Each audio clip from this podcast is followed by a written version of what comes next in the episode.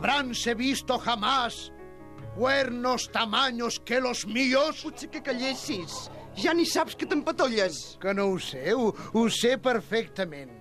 El capítol 15, Tratado de Paz en Cornualles, que és el final, en Roldán ja apareix més resignat i comenta en el banquet que fan tots plegats per celebrar-ho. ¡Qué lío! Voto a tal. ¡Qué lío! Ya me estaba convirtiendo yo en mi propio suegro, o cuando menos en mi propio cuñado. Ya ni Sherlock Holmes, que resucitara, hubiera sacado el hilo de semejante ovillo. I sense transició va explicar a la capitana. Si vostè vol fer enfadar la Merceditas, no ha de fer més que dir cancel·lada viada davant seu. La seva dona conversava en aquell moment amb en Lluís i no va arribar a sentir-lo. L'estufa, atapeïda de tascons d'alzina, s'havia posat roja. Feia calor.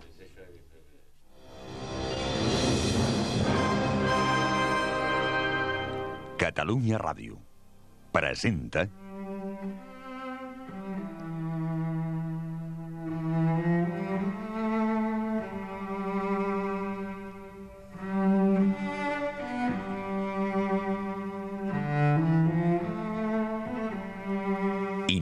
Incerta Glòria, de Joan Sales, en una adaptació lliure per la ràdio d'Oleguer Sarsenedes.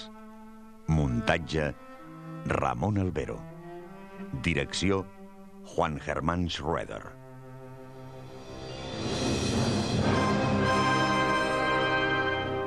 Incerta Glòria, de Joan Sales. Una producció de Catalunya Ràdio amb el suport del Departament de Cultura de la Generalitat de Catalunya. Extra, 15 artistes catalans al Palau Robert de Barcelona. Sergi Aguilar, Jordi Benito, Josep Manuel Broto, Tom Carr, Pep Duran Esteve, Gabriel, Francesc Llopis, Víctor Mira, Pere Noguera, Carles Pazos, Pere Jaume, Jaume Plensa, Riera i Aragó, Susanna Solano i Josep Uclés.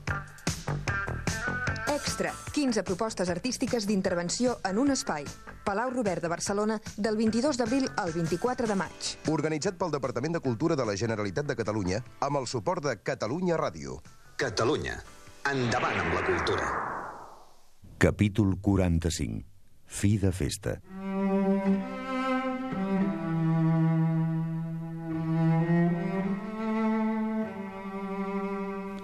A la comandanta, a la fi dels àpats, li entrava somnolència. Ordinàriament se'n pujava a fer una mica de migdiada. Aquell dia, tractant-se d'un dinar de gala, no gosava anar-se'n. Se li veia que havia de fer un esforç per no adormir-se. Ja havíem arribat al conyac. L'assistent Guenyo ens estava abocant a les copes autèntic fundador. El comandant i el metge, sota pretext de la gloriosa patrona de la infanteria que, segons ells, celebràvem, se'n van servir moltes vegades. La situació empitjorava ràpidament. El doctor Puig va prendre la paraula. En el meu temps hi havia una agència de pompes fúnebres al costat d'una certa casa que els estudiants coneixien prou bé. Perquè en el meu temps hi havia pompes fúnebres. No era pas com ara que els enterren com a gossos. Quins bons moments havien passat en aquella agència... Ai, no, m'equivoco. Els bons temps no eren a l'agència de pompes fúnebres, sinó a la casa del costat. Era una casa molt ben posada, una casa com cal. Fins i tot hi havia una gran foto de Guimarà en un marc daurat, en una de les habitacions. Una casa, eh, com podeu veure, molt honorable, i no quedava gaire lluny de l'hospital clínic, molt ben situada, molt coneguda de tots els estudiants. Potser no sabeu que els estudiants de medicina pispen de vegades peces anatòmiques a l'hospital per gastar bromes idiotes. I bé, entre els llençols del llit d'aquella habitació, sense cap respecte per Guimarà, vaig amagar una vegada la cama d'un desgraciat que havia mort de càncer. Oh! Aquestes són les històries d'amor que saben explicar els metges? La capitana semblava molt decebuda. I que la història d'amor és la de la Tamendi. Ell havia pispat, eh, eh, com dir-ho, coses d'aquelles que no poden dir-se davant de les senyores. Som formidablement ben educats en aquesta brigada. Dóna gust! Però, en fi, què va fer la Tamendi? Quan el sogre aquell, que estava podrit de duros, li va refusar la mà de la filla, ell li va deixar el paquet molt ben embolicat damunt la taula, tot dient-li doncs bé, ja que això no m'ha de servir... El comandant i en Picó els queien les llàgrimes. Va ser d'aquesta broma tan estúpida com macabra que la conversa va derivar cap en Solaràs. Havia desaparegut de la brigada sense deixar adreça com deia el comandant. Suposàvem aleshores que s'havia incorporat eh, en alguna altra brigada republicana i fins i tot alguns, donada la seva extravagància, s'inclinaven a creure que n'hauria escollit una d'anarquista. El comandant, quan va poder contenir el riure, va exclamar. Vet aquí que per celebrar la diada de la nostra patrona no parlem més que de cadàvers. Quin cadàver? Jo no veig ningú aquí que faci cara de cadàver. Ensolaràs! Aquest sí que no em negareu pas que feia cara de difunt. La Trini va alçar els ulls, sorpresa. Apenes havia dit res en tot el dinar. Ningú, llevat de mi, no es va donar que en aquells ulls clars es condensava una llàgrima, una de sola, molt brillant, d'estupor. La conversa continuava més i més descosida. Impossible d'aturar el comandant i el metge en la seva estimbada final. En Solaràs era un ximple d'acord, però hi tocava. I la pèrfida Albió? Vet aquí que fa temps que no se'n parla. Qui és aquesta senyora? Vostè ignora, potser, senyora Picó, que no es poden fer corrides en temps de pluja, perquè sense sol els toros es tornen massos. doncs bé, a Anglaterra plou contínuament. Afiguris, un desastre. Una vegada, als principis de la guerra, un diputat laborista va venir a visitar les nostres trinxeres. A tot trobava què dir els fusells mal enseuats, les tropes poc disciplinades, els oficials mal afeitats. Va ser en Solaràs qui el va engegar a passeig.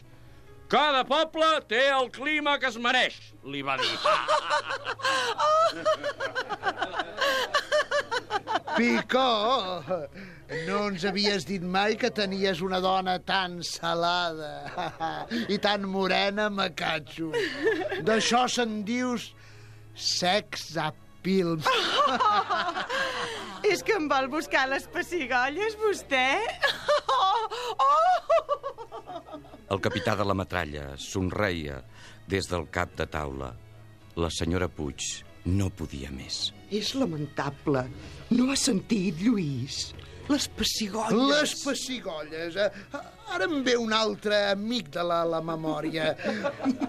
Una vegada hi havia a la Meca un cadàver. Sí, Mercedites, no em miris amb aquesta cara de fàstic. No era de la Meca que parlàvem? Feia llarga estona que la comandanta no havia dit res morta de son. Seguiria la conversa general de molt lluny, com en somnis. De tant en tant es redreçava amb un sobresalt, lluitant contra la somnolència, i somreia vagament, mirant-se el qui en aquell moment parlava. La Marieta i en Ramonet discutien. El que està enterrat a la Meca és Mahoma. Per desgràcia, la Marieta ho havia dit tan alt que tothom la va sentir. Consternació. La senyora Rossic, bruscament desvetllada per aquell silenci estrany, va tenir la sensació que la seva filla havia dit alguna cosa inconvenient. I tu què saps, nena? No tens encara experiència. Doncs ho porta el llibre que passem a col·legi. En el que passo jo hi ha pintat tot el contrari. Tot el contrari? Tot el contrari de què? Tot el contrari de cornut. Estarien frescos si els llibres portessin tot el contrari. Així en Solaràs se n'hagués anat a la Meca. En Solaràs a la Meca? ja no ens faltaria sinó aquesta. Eh, És una hipòtesi. Qui és aquest solaràs de qui parlen tant, Lluís? Jo també m'ho pregunto. Qui és en fi en Solaràs? Potser una hipòtesi? Un trencaclosques? Donaria qui sap què per saber-ho. Ensolaràs, senyora, és algú que desapareix sense deixar vestigis. Fantasmagoria, vet-ho aquí. Admetem que en Solaràs no sigui més que fantasmagoria, però l'aigua de colònia que certs joves tinents, obsequiosos, troben a la terra de ningú és una realitat indiscutible. Hi ha alguna cosa que put a Dinamarca. A Dinamarca? Què té a veure Dinamarca amb la Meca? I què té a veure el cul amb les quatre tèmpores? Una glopada d'indignació li va envermellir les galtes a la Merceditas, però va saber dominar-se. En Lluís s'afanyà a encendre-li un càmel. Gràcies. Doncs sí, Dinamarca. És a Dinamarca on troben de tot, des d'ampolles de fundador i de colònia fins a cafè en gra i paquets de càmel. Absolutament de tot. Hi trobem així mateix uns pots de polieroticol així de grossos. Es veu que se'n cria per tot arreu, a Dinamarca. Tot put a Dinamarca. En Picot, tranquil i murri, el va tallar. Em sembla que de fundador no en tastaràs més si no clous el bec. En aquell moment, el comandant es va descordar la caçadora i la camisa com si s'ofegués de calor. Es va alçar, va demanar silenci amb el gest. Oficials, classes i soldats, herois de Catalunya i la República. Estic com una sopa. La seva dona hi va córrer. Ell es donava cops al pit. Què et passa? No et trobes bé? Com una sopa.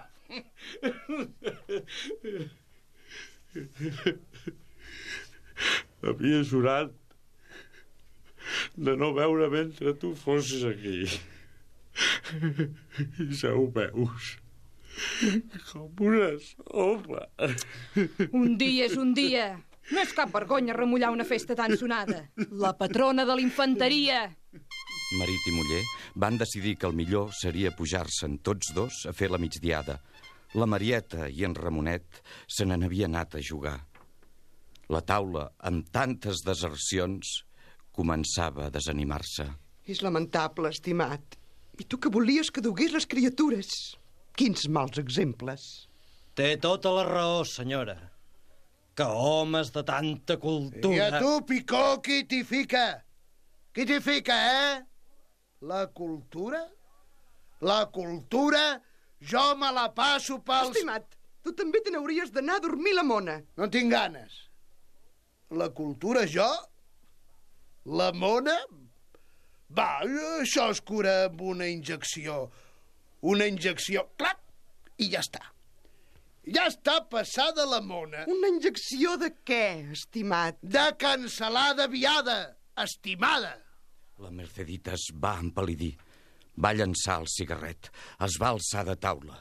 El seu home se servia tranquil·lament una altra copa de fundador. Ella anava a dir alguna cosa, però va contreure la boca i se'n va anar del menjador. Ara, per fi, podré parlar amb llibertat. Pobre la Tamendi! Quina carbassa! És formidable com el meu sogre no me'n va donar també a mi una de mida natural. Podrit de duros com està. La Merceditas el va estovar, sabeu? Acabava de veure una pel·lícula d'un metge pobre que salvava una ciutat del còlera i es pensava que jo era com aquell metge de la pel·lícula. Però jo, sense còlera, sense un clau, sense clients. I pensar que vaig venir a la guerra buscant una mica de pau.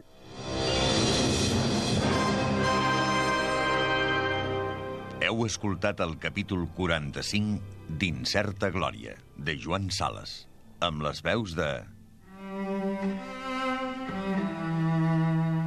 Cruells, Enric Major. Doctor Puig, Enric Casamitjana. Senyora Puig, Maria Jesús Andany. Picó, Enric Cosí. Senyora Picó, Anna Frigola. Rossic, Ramon Teixidor. Senyora Rossic, Victòria Sans. Lluís, Gal Soler.